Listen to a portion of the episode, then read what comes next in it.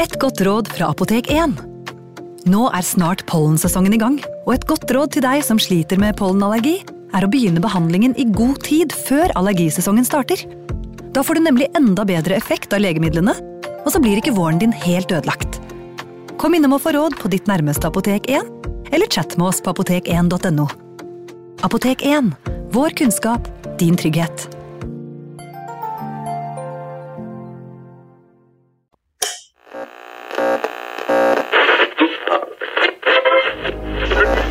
Vi skal gjenta særmeldingen i dag. Nummer én Kjerringa er galen. Nummer to På ski over lyng og kvast. Nummer tre Baklengs inn i aftensangen. Baklengs inn i aftensangen. Vi skal til en historie Erik, som er ganske kjent for eh, en del, i hvert fall. Jeg har i hvert fall hørt om den før. Som eh, en, eh, Mer som en sånn krimsak. Så den ble litt, var litt overraskende for meg at den dukket opp her. Ja. Jeg valgte å ta den med i denne boken fordi den har jo blitt avskrevet av mange historikere som en likvidasjon. Men samtidig så er det en del kriterier rundt den hendelsen her som gjør at man eh, like gjerne kan beskrive dem som en eh, likvidasjon da, utført av motstandsbevegelsen for å unngå at virksomheten deres ble, ble avslørt. Det handler om Jakob og Rakel eh, Feldman, jøder, på vei til Sverige. Men la oss begynne sånn som du begynner den da, i boka di, som heter De kalte dem rottejegere, og der begynner du altså i et uskyselig vær eh, i slutten av oktober. Ja. Dette skjer altså tirsdag 27. oktober 1942, og vi skal til eh, Indre Østfold, eh, i områdene rundt Trøgstad. Og her går det altså da fire mennesker på vei mot svenskegrensen gjennom skogen, tett granskog. Og det vi vet om vær den dagen her, er at det er, eh, det er grått, det er kaldt, det regner. Det har ikke kommet snø enda, men vi er jo seint på høsten. Og de går da gjennom eh, skogen og nærmer seg et område rundt et eh, skogsvann som heter eh, Skrikerudtjern. Skrikerudtjern, ja. Det er jo ikke noe Det er nesten som et slags omen til hva som skulle skje. Ja, det tjernet hadde fått navnet sitt etter uh, fugler som, uh, som var rundt der. Det var jo et sånt litt bortskjemt uh, vann, det her. Og um, lokalbefolkningen, de, de kalte det Skrikerudtjern fordi det var da fugler som, uh, som fløy rundt og skrek så veldig stygt i trærne. Nøtteskriker, vet du. Ja, ja. De fire menneskene er da to, to av dem er ikke kledd for en eh, tur i skogen, la oss si det sånn. Ja, altså dette ekteparet, da, Jakob og, og Rakel Sonja Feltmann, de er, de er faktisk 51 år. Eh, Dette er ikke noe trente turgåere. De er uh, store og kraftige, har levd uh, i og for seg et greit, godt liv inne i Oslo, og syns denne turen de er nå ute på, den er, den er, den er tung. Så de klager fælt på at det er, det er vanskelig å gå. De har heller ikke klær eller sko da, til, å, til å gå en såpass eh, slitsom, eh, slitsom tur. Og så har de følge av to grenseloser som heter eh, Peder Pedersen og Håkon Løvestad. De er jo fra Trøgstad-området, de er jo også langt yngre, de er 24 år. Er, er da loser, altså jobben deres er da å hjelpe folk til å komme over til Sverige. Og tilhører en lokal motstandsgruppe og er godt trent. Fru Feltmann har håndveske med noen nøkler til noen hengelåser og en pengeskap som står igjen i Oslo. Ja. og noe neglefil og litt sånn forskjellig leppestift og sånn. Eh, Ellers så eh, har de ikke så mye med seg, da, de. Nei, bortsett fra at eh, Jakob da har en ganske stor pengesum på innerlomma av jakka si. Dette ekteparet de drev flere mm, forretninger inn i Oslo, de var jo da jødiske forretningsfolk. Drev og solgte dyre, flotte herreklær, og i og for seg også en, eh, en forretning som solgte dameklær. Og han var vel også eh, Han drev og barberte folk, altså han hadde en sånn barbersalong. Så, så de drev da i og for seg litt sånn i øvre, øvre prissjiktet da inne, i- inne i Oslo og hadde tjent bra med penger. Og nå hadde de tømt pengeskapene sine og var da på vei til Sverige med mye penger på innlomma. Nede ved, altså Når de kommer til det nordøstre hjørnet dette Skrikerudtjernet, så, så sier disse to losene at uh, det er på tide med en liten pause. Mm. Slapp av litt før de går videre, og så skal de være framme i Sverige neste dag, da. Mm. Og da setter de seg ned, og Jakob setter seg ned på en trestubbe Mm. eh, nede ved vannet, og kona lener seg inn til et tre. Ja, de står bare noen få meter fra hverandre, og de blir stående der og, og ta denne pausen, da, og de er oppmålt slitne, dette ekteparet, og de står da og ser utover, da, eh, ifølge de to losene som forklarte om dette etterpå, så står de da og ser utover dette vannet. Skrikerudtjern. Ja, og da har de bare noen minutter igjen å leve. Ja, de skal jo da snart dø. Og da spoler vi tilbake igjen øh, og tar litt med om hvem disse her var. For, altså, de kom i utgangspunktet fra altså, Jakob var født i Kyiv i Ukraina, Mm. 1891. Mm. Så han var jo en godt voksen mann, og han. Ja da, de, eh, de var i 50-årene og Ja. kom jo da til, eh, til Norge etter hvert. De eh, rømte jo da fra, fra Russland, eller Hviterussland som, som da Jakob bodde i, og kom til Norge etter hvert. De var vel her allerede i 1911, iallfall kom Jakob til Trondheim og etter hvert ned til Oslo, hvor de da slo seg opp som forretningsfolk etter hvert. da. Så de, kom, de flyktet sammen og kom til, etter hvert til Oslo sammen. Og så, som du var inne på, han hadde en barbersalong, Grand konfeksjonshus, var det dette, Ja, og klesbutikk. ja. Så mens han, ja, han barberte kanskje i begynnelsen, men etter hvert så ble han en slags sånn disponent, han. Ja, og de drev jo da med, med salg, men også import av, av eh, forholdsvis dyre klær. Ja. Så man, eh, hvis man skulle ha seg en flott antrekk i Oslo sentrum på 30-tallet, så var det sjansene gode for at du var innom Feldmanns. Ja, det, det høres sånn ut. Og så, eh, ja, de gjorde det såpass bra at de fikk kjøpt seg etter hvert et hus oppe på Grefsen. Mm. Det er jo ikke billig, ikke nå, i hvert fall ikke nå, da, men sikkert ikke da heller. Nei, de, de, det, nei, det er åpenbart, eh, ut fra hva vi hører, da, så var det et par som hadde bra med penger. Og eh, de hadde en del selskaper, og eh, ble også kjent i, ja, i deler av sin, sin omgangskrets da, som, som et par som, eh, som likte å handle inn godt med mat. og når man eh, var der på besøk, så manglet det ingenting. Heller ikke på, på drikkevarer. Nei, så det var livsglade ja. folk med sans for det gode liv. Ikke noe eh, villmarkens eh, sønner og døtre. Nei, dette var litt to livsnytere Ja. som likte både et glass vin og et par drammer hvis det var mulighet for det. Og da krigen kom, så var svartebørs ikke helt fremmed for dem heller. Nei, de, eh, de eh, drev forretninger også der, og eh, det som står i dokumentene etter dem, er at de byttet til seg en, del, en del matvarer, særlig smør og kjøtt, mot at de da ga fra seg klær som de hadde i butikken. Og dette var jo i og for seg strengt forbudt, men, men de holdt på med det. At de, de, de hadde ting i butikken, og så kom det bønder for eksempel inn, gårdbruket som hadde f.eks. for eksempel smør, da. Mm. Så bytte man. Men solgte de da det smøret videre? Tok de det selv? Det virker som de har tatt mye av dette her selv, Ja. og at det har vært brukt da til eget eh, forbruk, eller i og for seg til omgangskretsen. da. De hadde ikke barn, men eh, i hvert fall ikke egne barn. Men de fikk etter hvert en slags stesønn. Ja, de adopterte da en nevø, det var jo da søsteren til hun Rakel Sonja, som hun hadde i og for seg flere barn, eh, fem stykker, og slet økonomisk, så e- ett av barna hennes, altså en sønn som het Herman, Mm. han ble da adoptert av, eh, av Feldmann-paret. Ja, og han skulle etter hvert, var planen, ta over eh, den, en konfeksjonsbutikk de hadde som het Nobel. Mm, Nobel. han var åpenbart eh, hadde åpenbart evner, så, så han uh, tok handelsutdannelse, og da var jo meningen at han skulle ta over deler av forretningsdriften. Han var da i 1942, så var han eh, 24 år. Og som vi har vært inne på, som folk vet, uh, forhåpentligvis, så, så var jo 42 eh, året hvor jødene i Norge fikk Det begynte å brenne under føttene deres, da. Ja, da var jo registreringen eh, i full gang, og det ble jo etter hvert eh, ganske strengt eh, Altså regelverket ble ganske strengt, man, eh, man forbød jo ekteskap mellom jøder og ikke-jøder, og, og denne registreringen da var jo i full gang med, ved at NS-regimet påla i og for seg myndighetsinstansene da å, å registrere alle jøder, og i og for seg også all jødisk eiendom. Og i 1942, i 20, den 25. september, så blir de kasta ut av huset sitt, Ja, Feldmanns. da kommer det en eh, tysk offiser og, og sier at han skal bo der.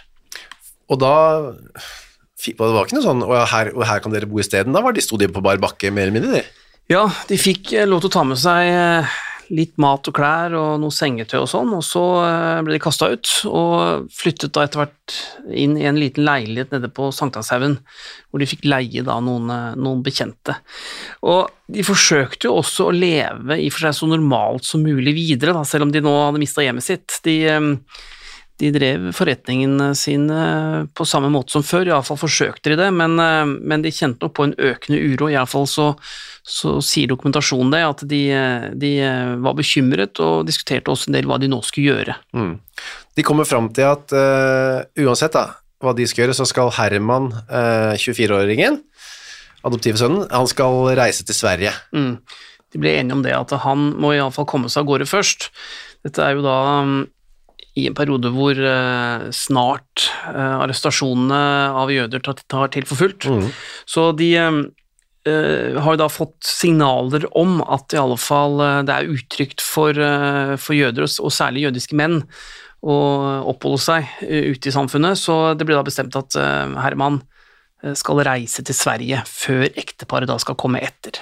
Ja, så 22. oktober så setter han seg på toget, Herman, sammen med en del andre jøder, Eh, mm. og også to grenseloser. da. Og den ene av de er veldig sentral for resten av historien her, da. Ja, det er Karsten Løvestad, som, mm. Eh, som er 26 år, og han, han kommer da fra, fra Trøgstad. Ja, han, den familien, Løvestad-familien kjenner Feldmans via litt sånn business. Han har kjøpt inn litt skinn til butikken deres. Ja, den Løvestad-familien har eh, vært en del av denne svartebørshandelen, og Karsten Løvestad er jo da bror til, eh, til Håkon Løvestad, som vi snakket litt om i stad. Mm. Så han er en av de to eh, losene som da skal følge med på toget, og som skal hjelpe disse jødene over grensen etter hvert, det er planen. Det er planen. Ja.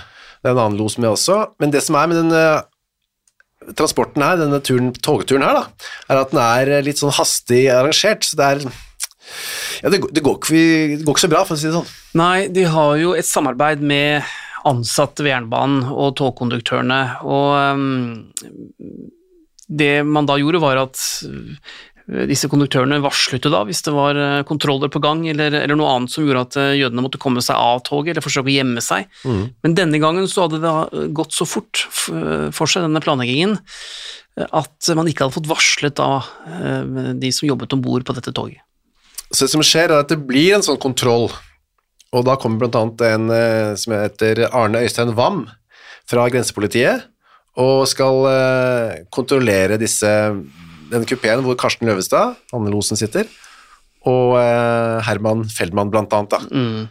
Og bare to ord om han Arne Øystein Wam. Han er jo da en, en, konstabel som jobber i grensepolitiet. Dette er jo da et politi som er en del av statspolitiet, altså det ja. politiske politi kontrollert av Nasjonal Samling, hvor eh, de fleste tjenestepersonene der er, eh, er, eh, partimedlemmer. Det er også Arne Øystein Wam. Han er 31 år gammel og kommer fra, fra Oslo, men da er stasjonert ved grensestasjonen i Halden. Og han har jo også vært aktiv både i Nasjonal Samling og ikke minst i Hirden.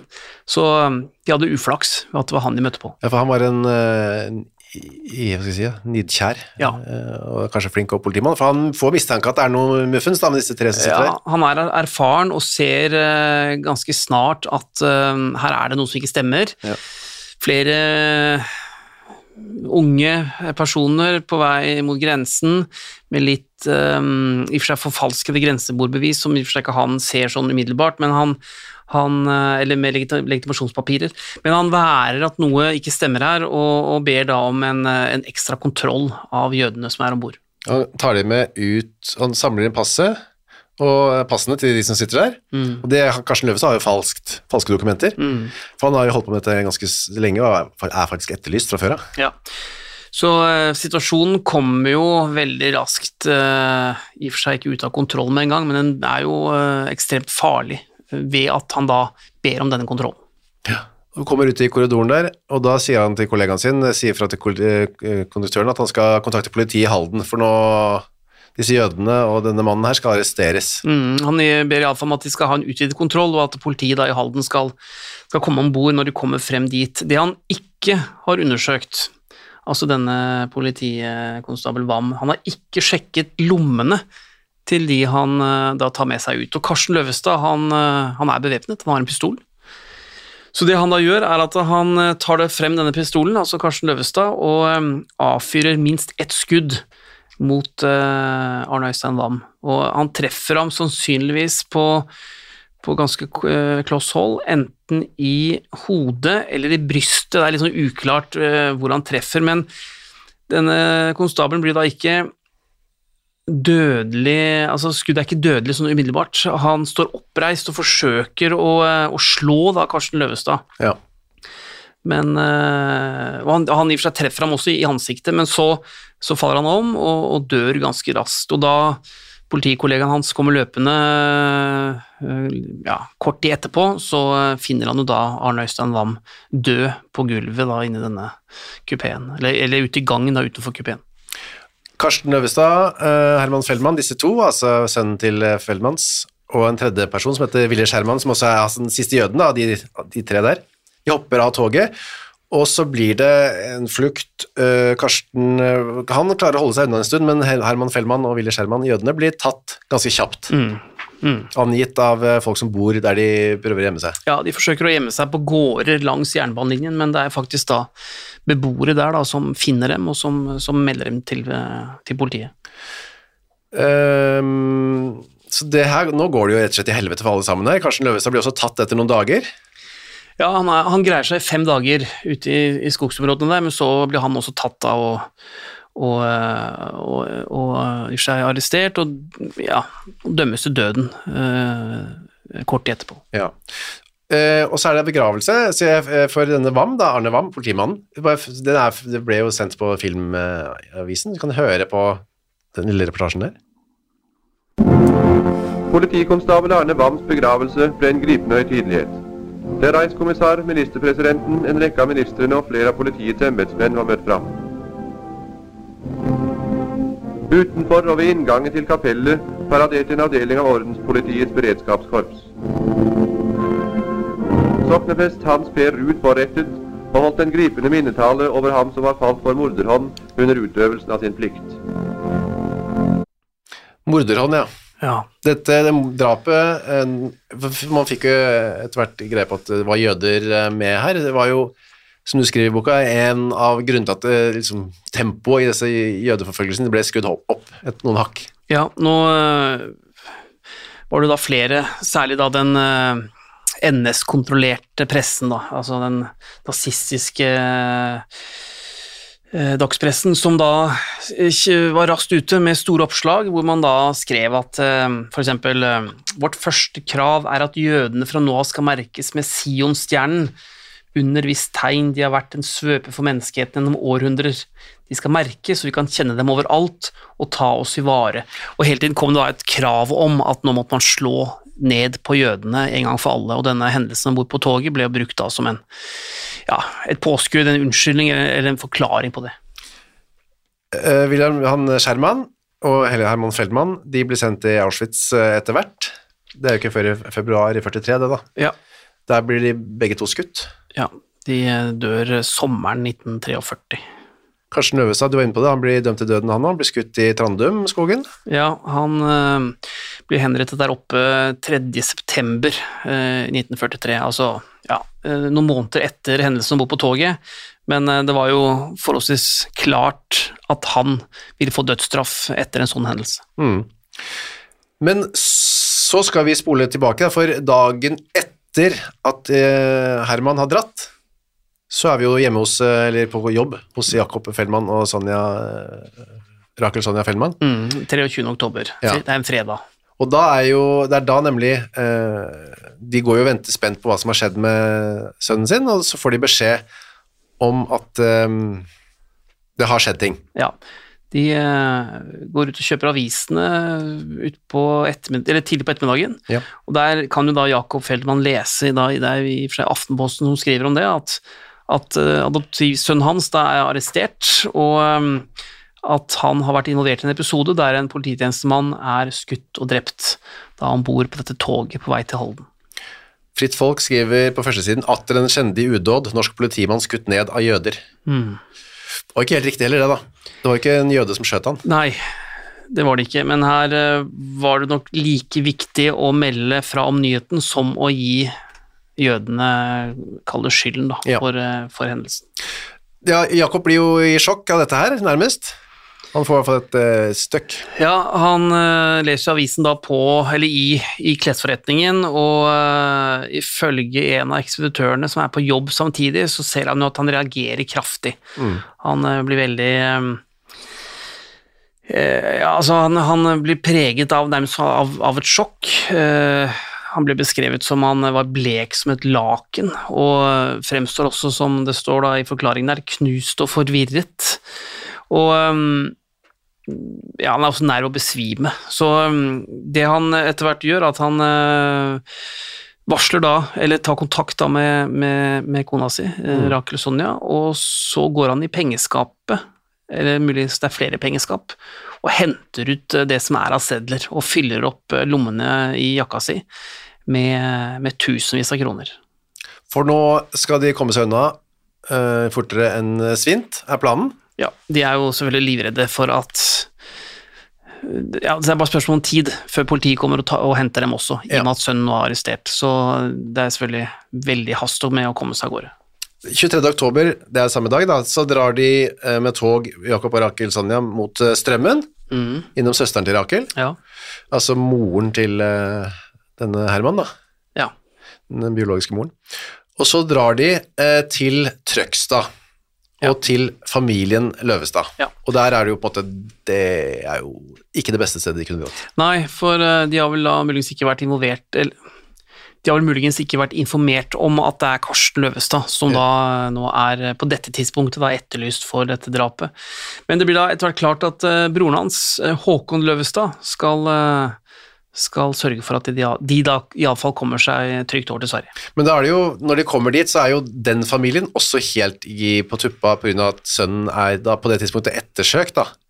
Etter dette skuddramaet på toget. Ja, og han har jo vært eh, etterlyst tidligere, og, og er nå da også eh, i tillegg da etterlyst for drap. Så det er klart, situasjonen for- også for denne familien er jo ekstremt eh, alvorlig, naturligvis. Så det må jo ha vært, må ha vært en spesiell stemning i det huset når eh, et par på flukt eh, fra arrestasjon fordi de er jøder, og en familie da eh, selvfølgelig sjokk for at eh, sønnen deres nå plutselig er etterlyst over hele landet for, for, for et drap. Men så er det altså broren som du er inne på, Håkon, og en som heter Peder Pedersen, som er en kamerat som bor i en slags nabo, mm. også på Trøgstad. Mm. De sier ok, vi skal følge dere gjennom skogen til Sverige. Mm. Men eh, de må bare roe oss litt ned først, fordi nå er det såpass mye trøkker ut der, at dere kan eh, eh, være med meg, sier Peder Pedersen da. Ja. Uh, sted som heter Skarpsno. Og der bor han sammen med foreldrene sine, og dit drar de, men det er ikke noe spesielt mye bedre stemning der, da. Nei, det, det er, er jo ikke det, og um, det blir jo da sagt at han, den jødiske mannen da, altså Jakob Feldman, det blir sagt da etterpå at han, han skal drikke litt, og, og, og det er mye krangling der, og i og for seg ikke noe god stemning. Nå vet du ikke helt hva som skjedde, fordi her kan vitneforklaringen etterpå ha vært prega litt av det som skal skje videre nå, men, mm. men eh, det blir etter hvert bestemt at de skal komme seg av gårde, og eh, mandag den 26. oktober så, eh, så eh, blir det da bestemt at de, eh, de skal dra, og det skal skje dagen etter, altså morgenen den 27. oktober.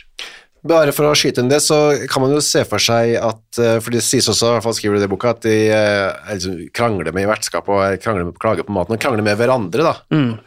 Eh, Men så kan man jo, hvis man tenker litt gjennom hvordan man har hatt det selv, altså jeg tror jeg har vært ganske krangleboren sjøl, hvis det var meg.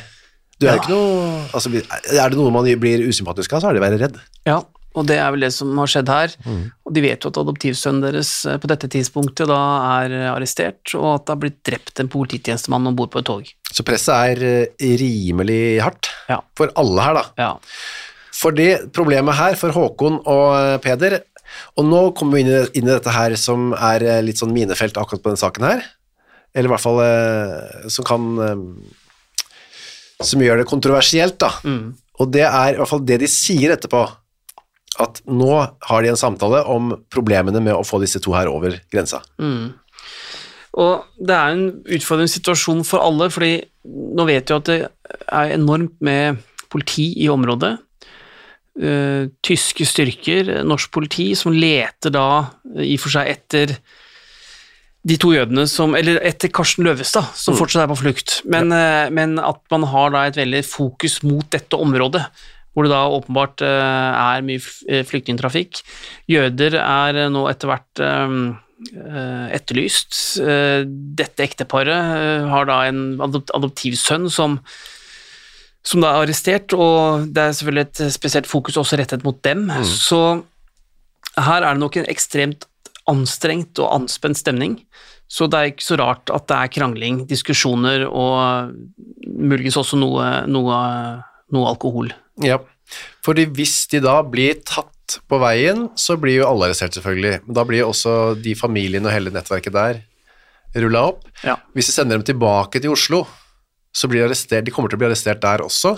Ja. Før eller siden, i hvert fall tatt inn. Ja, og i eh, avhør så vil selvfølgelig da dette Feldmann-ekteparet eh, muligens bli utsatt for tortur. Og hva forteller de da om, om hvilken familie de dro til for å, for å komme seg over Ja. til Sverige, f.eks.? Så her, er jo alle redde for hva som kan skje, og man tenker nok at uansett hva vi nå velger, så risikerer vi eh, å bli arrestert og eventuelt bli, eh, bli eh, henrettet alle sammen. Så det sto selvfølgelig mye på spill for både familiene og de to jødene som var på flukt.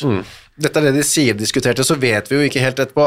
Var det dette, eller var de bare ute etter pengene deres? Eh, Det er jo det noen har påstått, eller det kan også være et motiv, da, men at disse farene på en måte var reelle, eh, faren eh, for å bli avslørt, at nettverket skulle rulles opp, det er på en måte det uavhengig av hva de, disse to grenselosene har snakket om.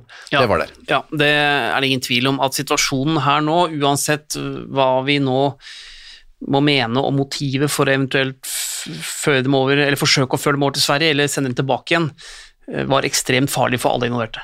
Så det de finner ut av, Håkon og eh, Peder, er at de skal ta livet av dem. De bestemmer seg for at dette jødiske ekteparet må bli med ut i skogen, og der skal de dø og forsvinne. Mm. Det er det de bestemmer seg for. Ja, så dette vet jo da selvfølgelig ikke Jakob og Rakel Sonja, når de dagen etter, da, 27. august, i legger ut på denne marsjen da, mot Sverige. Ja. Som vi var inne på i stad, gjennom regn og vind og vått, og hun har fått låne et par Beksum-støvler, hun Rakel, da. Ja, hun hadde veldig dårlige sko, så hun har fått låne noen støvler, men eh, fortsatt har hun problemer med å gå, og det går, det går, det går sent da med, med ekteparet. De er som sagt i, i dårlig form. Så det at det hadde vært et problem å få dem over gjennom skogen over til Sverige, det er reelt. Altså i, alle, I alle fall ifølge Peder Pedersen og Håkon Løvestad, som skal følge dem over, så ser de at dette kommer til å ta for lang tid, og det blir for farlig for oss å, eh, å få de trygt over til Sverige. Iallfall er det det de forklarte etterpå. Ja. Så kommer de da til Skrikerudtjernet der. Mhm. Det er 13-tiden på Det er samme dag, ikke sant? Ja. Ja. Da har det gått ca. 5 km. Ja, de har gått da fra, fra ganske tidlig om morgenen og, og uh, gått av noen timer, og så kommer de da til dette Skrikerudtjern, hvor de da bestemmer seg for, for å ta en liten pause. Ja. Og da uh, sitter da Jakob på en trestubbe, og kona står og lener seg mot et tre litt uh, nærmere vannkanten. Mm. Og så nikker eller blunker Peder Pedersen til Håkon Løvestad. Ja, de står da bak dette ekteparet og nærmer seg hver sin eh, person. Eh, altså Peder Pedersen eh, Mot Rakel, ja. mm, og, eh, og Håkon Løvestad til Jakob. Og så gir de hverandre et lite nikk eller et tegn eller et blikk eller noe sånt. Det er litt sånn uklart eh, hva slags tegn som blir, blir, gitt, men eh, det som da skjer er at Pedersen han slår til Rakel Sonja i ansiktet med knyttneven, og etter hvert så faller hun, og eh, han hopper eller står over henne, og nå har han tatt frem en pistol, hvor han slår eh, Rakel eh, Sonja gjentatte ganger i, i hodet med, med skjeftet, til hun etter hvert blir, eh, blir stille. Og vi ser også at Håkon Løvestad han gjør da det samme med, med Jakob. Og han uh, har en kølle, så han slår da, eh, slår da Jakob Fellmann i hodet til han også etter hvert blir, blir eh, stille. Det Peder Pedersen og Håkon Løvestad forklarte etterpå, var at det, det var ikke noe skrik og hyl og smerter og sånn, eh, det kan det ha vært, men ekteparet de lagde nesten ingen, ingen lyder. De ba ikke om hjelp eller uh, tryglet om nåde eller sånt, og de ble bare slått, falt om og lå stille mens de ble slått flere ganger i hodet etter at de ble liggende da uten bevegelser, og til da eh, Pedersen og Løvstad trodde at ekteparet da var døde. De henter noen steiner òg, som de slår med. Ja, det skjedde da tydeligvis etterpå. For å være helt sikre på at de var døde, så, så slo de eh, Eller hentet de noen litt tyngre steiner som de da kastet mot, eller slo mot hodet da til, eh, til de to her. Og så gjør de jo det som gjør at de etterpå også mistenkes, eh, og gjør at denne, altså, hele historien blir uh, mer uklar. Da. De tar alle verdisakene deres, og det er ganske mye. Ja, eh, blant annet en gullklokke. Jakob hadde en, en veldig dyr eh, eksklusiv klokke som da ble tatt, og så er det faktisk da 12 000 norske kroner. Og i 1942 så var det veldig mye penger. Ja, det er jo mer enn de kan ha sett før, disse to gutta her. Ja, det er for nok til at en av dem kan kjøpe seg et bilverksted etterpå. Og han gjør det? Ja. Ja, de, dette tar de ut, og så surrer de en sånn ledningstråd som de har med seg rundt uh, hver, hver av kroppene, og med steiner inni klærne. Ja, de surrer da rundt og så dytter de steiner inn i, eh, inn i klærne for at man skal dytte de ut i vannet, og at uh, de to likene da skal synke. Og Grunnen til at de skal ha steiner, er, er av en forklaring at man skal gå, eller få kroppen ned, ned til bunnen av vannet, eller tjernet, men det som skjer med kropper i vann, hvis det ikke er hull i mageregionen, eh, og at magesekken og tarmene fortsatt er der, er at det utvikler seg gasser. Og da vil kroppene stige opp igjen etter hvert, når disse gassene får lov til å ligge inni kroppen og, og nærmest lage, eller gjøre mage, mageregionen om til nærmest en ballong. Ja. Og, eh, så de visste iallfall Det var veldig sånn Det var nok gjennomtenkt at de ville bruke disse steinene for å få da likene til å bli borte. Ja, det var ikke noe, det var ikke noe tvil om det, at det var over, på en måte et overlagt eh, drap, da, eller hva kaller vi det? Ja, ja, det var, var overlagt og, og planlagt, og de hadde også med seg en sånn ledning som de surret rundt klærne for å da få steinene til å ligge på plass. Så dette var planlagt og, og en veloverveid handling, sånn sett. De legger, deler disse pengene mellom seg, eh, tar en bunke hver, eh, klokka di der deler de også med seg, tar de også med, og så brenner de et lite bål med sånne dokumenter da, som de har på seg. Ja, er personlige brev og noen mm, legitimasjonspapirer og, og noe annet da, som de, de eh, blir kvitt da, ved å lage et lite bål ved siden av der. Så går de eh, vekk fra åstedet, og så bygger de en sånn barhytte som de eh, flytter inn i. Ja, og han Håkon Løvestad han, øh, han legger seg der og venter da på at det skal roe seg litt, så han kan komme seg over til, over til Sverige. Han er jo da etterlyst av broren sin, Ja. Karsten, og den skytingen han bor på til toget noen dager tidligere. Og så er planen at Håkon skal komme seg over til Sverige. Og det gjør han nå. Han kommer seg ganske raskt over. Før han i og for seg kommer seg i sikkerhet selv, og så følger han en ny gruppe med, med flyktninger. Det er også der den øh, klokka, oh, ja. som den gullklokka som de tok fra Jakob, blir oppdaget, for en av de andre flyktningene kjenner en klokka til Jakob Feldman, for den var veldig spesiell og veldig dyr. Men det blir ikke gjort noe med nummer ut av det, da? Det er kanskje de ikke så mye du skulle sagt til jødene som går der? Nei, jeg, jeg antar at de eh, lot det være, men det ble registrert og fortalt etterpå. Håkon Løvestad han kommer seg over til Sverige, og etter hvert så drar han videre til Storbritannia, hvor han faktisk blir en del av det norske flyvåpenet der, Ja. og, og tjenestegjør der som bakkemannskap. Peder Pedersen eh, blir i Norge. Han blir værende i Norge og tar opp igjen denne flyktningtransporten gjennom Østfold over til, over til Sverige, men han blir arrestert ikke så lenge etterpå, i januar 43, og sitter da en, en periode fengslet eh, før han blir overført til Grini fangeleir, og senere da til eh, Sachsenhausen, en eh, tysk konsentrasjonsleir utenfor eh, Berlin. Begge to overlever krigen, da. Mm, begge overlever. Eh, Så går vinteren, og så er det en dag i mai 43 da, hvor en eh, lensmannsbetjent i Trøgstad, en 19-åring, får en telefon om at det flyter noe i Skrikerudtjern. Ja, da er det en eh, bonde som har oppdaget noe som ligner på et menneske, som man ser ute i dette tjernet. Og eh, de lokale politifolkene de drar da opp og eh, får etter hvert eh, dratt inn det som da er en menneskekropp. Mm. som har nærmest gått i oppløsning. Det er en Det er for dem nesten umulig å se eh, hvem dette er, selvfølgelig. De, altså huden har løsnet fra, fra kroppen, og, og ja, mye har gått i oppløsning, men, men, det er et menneske som etter hvert blir, eh, blir da sendt til, eh, til, inn til Oslo, hvor man skal ta en obduksjon, Ja.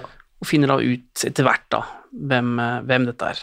Det er Jakob Fellmann eh, det er snakk om, og de, det er til slutt skoene som eh, jeg holdt jeg Ja. leder dem på sp- sporet han. Da. Det hadde noen spesielle sko, for Ja. han eh, han hadde eh, spesialbestilte sko som gjorde at eh, det var da mulig å, å identifisere ham. Og så går det Hvor lang tid går det? Går det noen, noen dager? Bare et par dager, ja. Ja, noen dager, ja. Så er det et nytt lik, og da kan alle gjette hvem det er som ligger der. ja. Det er Sonja Rakel. Ja. Rakel Sonja.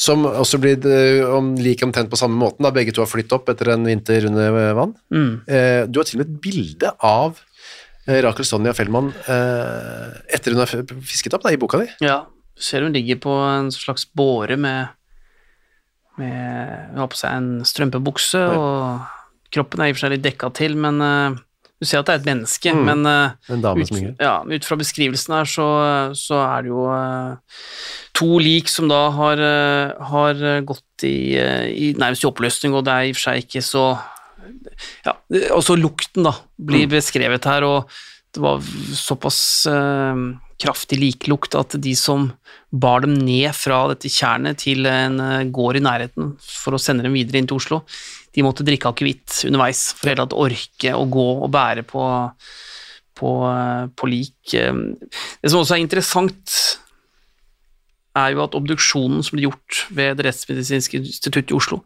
viste jo at dødsårsaken sannsynligvis var drukning. Ja, de var ikke døde likevel. Nei. Og det kan man jo etterpå tenke at da har man altså slått de, sannsynligvis svime, bundet de fast, men de har fortsatt hatt pust, da. Og så har de blitt eh, sendt ut og vært i live og drukna først når de ble, ble dratt under vann av disse steinene som var festa på kroppen. Så det, er- det er klart at det, det er jo en, det er en forferdelig historie der. Ja, det er det på alle mulige måter. Det, nå så var ikke prioriteten aller høyest eh, av etterforskningen på altså drapet på to jøder. Den, og man forfulgte ikke det så lenge under krigen. Nei, det ble, etter hvert eh, forsto man jo at det var jøder, og saken ble vel eh, bare lagt bort. Det var ingen som brydde seg noe særlig om den. Det var først god tid etter frigjøringen, 8. mai 1945, at denne her saken ble, ble tatt frem igjen. Og da klarte man å få disse til å tilstå drapene. Ja, men det tok tid, og eh, det var i og for seg først eh, i februar 1947 at eh, Håkon Løvestad og etter hvert også da Peder Pedersen fortalte i et avhør da at de, de faktisk hadde drept det jødiske ekteparet. Mm. Og så blir det en rettssak i 1947, i august, Mm. Uh, og, men der blir de frikjent. Ja, og det er det som gjør at jeg har valgt å ta med denne, eller dette, enten dobbeltdrap da, eller, eller denne likvidasjonen, inn i eh, De kalte dem, eh, de kalte dem rottejegere, fordi at de ble trodd på at de måtte drepe ekteparet for å ikke bli avslørt som grenseloser, at denne flyktningruten da ikke skulle, skulle avsløres, og at dette da var et en, en likvidasjon som ble, ble utført nærmest som en, eh, en nødhandling. Og i rettssalen så sto det flere motstands... eh, Eller ledere innenfor lokale motstandsgrupper og, og da i Milorg, og, for, og, og forsvarte og forklarte at dette var nødvendig. Mm. Og det ble de trodd på. De ble frikjent for drap, dømt for i og for seg eh, for å ha tatt penger, altså underslag. Men ved at man ble frikjent for drap fordi man måtte verne om motstandsarbeid, da har man faktisk oppfylt et av de viktigste kriteriene for likvidasjoner. Definisjonen på likvidasjonen. Så mange vil si at dette ikke var en likvidasjon, og eh, blant dem mange tunge faghistorikere, og mulig de har rett. Jeg har valgt å ta det med nettopp for å belyse et tvilstilfelle, og kanskje også få i gang en, en diskusjon. Hva var dette egentlig? Mm. For at de tok pengene, og det kan ha vært det som var motivet, det vet man jo ikke, men at det var også det elementet av at eh, man skulle beskytte motstanderen. Det er det som gjør at eh, ja, de ble frikjent, og du har dem her, da. Ja, og selve saken har vært belyst gjennom en spillefilm og eh, flere bøker, og det har vært mye diskusjon hver gang, men man, man har egentlig ikke slått seg til ro med noen av versjonene, om det var en likvidasjon eller et, eh, kall det et eh, rovmord for å få tak i penger. Nei, for det kan jo også ha vært begge deler. Det kan ha vært en blanding. Hvordan gikk det så med Løvestad og Pedersen eh, etter at de ble frikjent for det eh, drapet? Ja, etter andre verdenskrig så flyttet Håkon Løvestad til eh, USA, og han, bosatte, og han bosatte seg i Salt Lake City, Utah, og levde der i og for seg resten av sitt liv, og døde først i april 2016, hvor han ble altså 97 år gammel. Det er ikke lenge siden han døde, det er ganske utrolig å tenke på. Nei, og jeg tenker jo, skulle jo så gjerne fått snakka med han. Ja, Hva skjedde egentlig, men uh, det, Aner at du ikke tenkte på det litt før. ja, det rakk jeg ikke. Og Peder Pedersen han ble gammel han òg. Ja, han, han øh, var jo da fange i Sachsenhausen frem til, til frigjøringen i mai 45, og så etterpå så tok han opp sitt yrke igjen da, som bilmekaniker. Han gifta seg og, og døde også da i, i april 2005, og han var jo da 86 år. Og han ligger faktisk gravlagt nå da på uh, Rælingen. Ja. Så um, de fikk lange, lange gode liv etterpå. Og man vet aldri noe, det blir aldri noe nytt fra dem om den saken på Skrikerudtjern? Nei, det iallfall ikke noe offentlig. Hva de har sagt til eh, familie og, og andre, andre rundt seg, vet jo ikke, men eh, Men, men saken ble e- egentlig aldri ordentlig oppklart eller forklart. Nei. Den eh, står fortsatt som et sånt stort spørsmålstegn og et åpent sår. For det var en svært spesiell hendelse, med to jødiske ofre og to motstandsmenn som, som tok livet av dem. Det var en fæl historie på alle mulige måter. Takk for eh, denne gangen, Erik. Vi, høres, vi høres etter neste uke. Det gjør vi.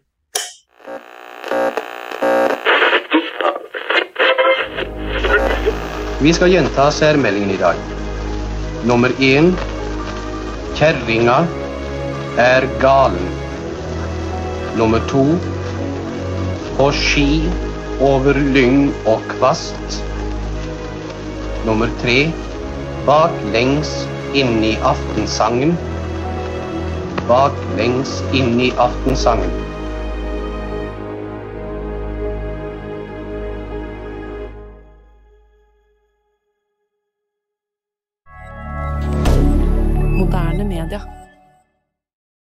Har du et enkeltpersonforetak eller en liten bedrift?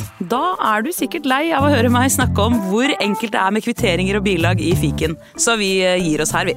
Fordi vi liker enkelt. Fiken superenkelt regnskap.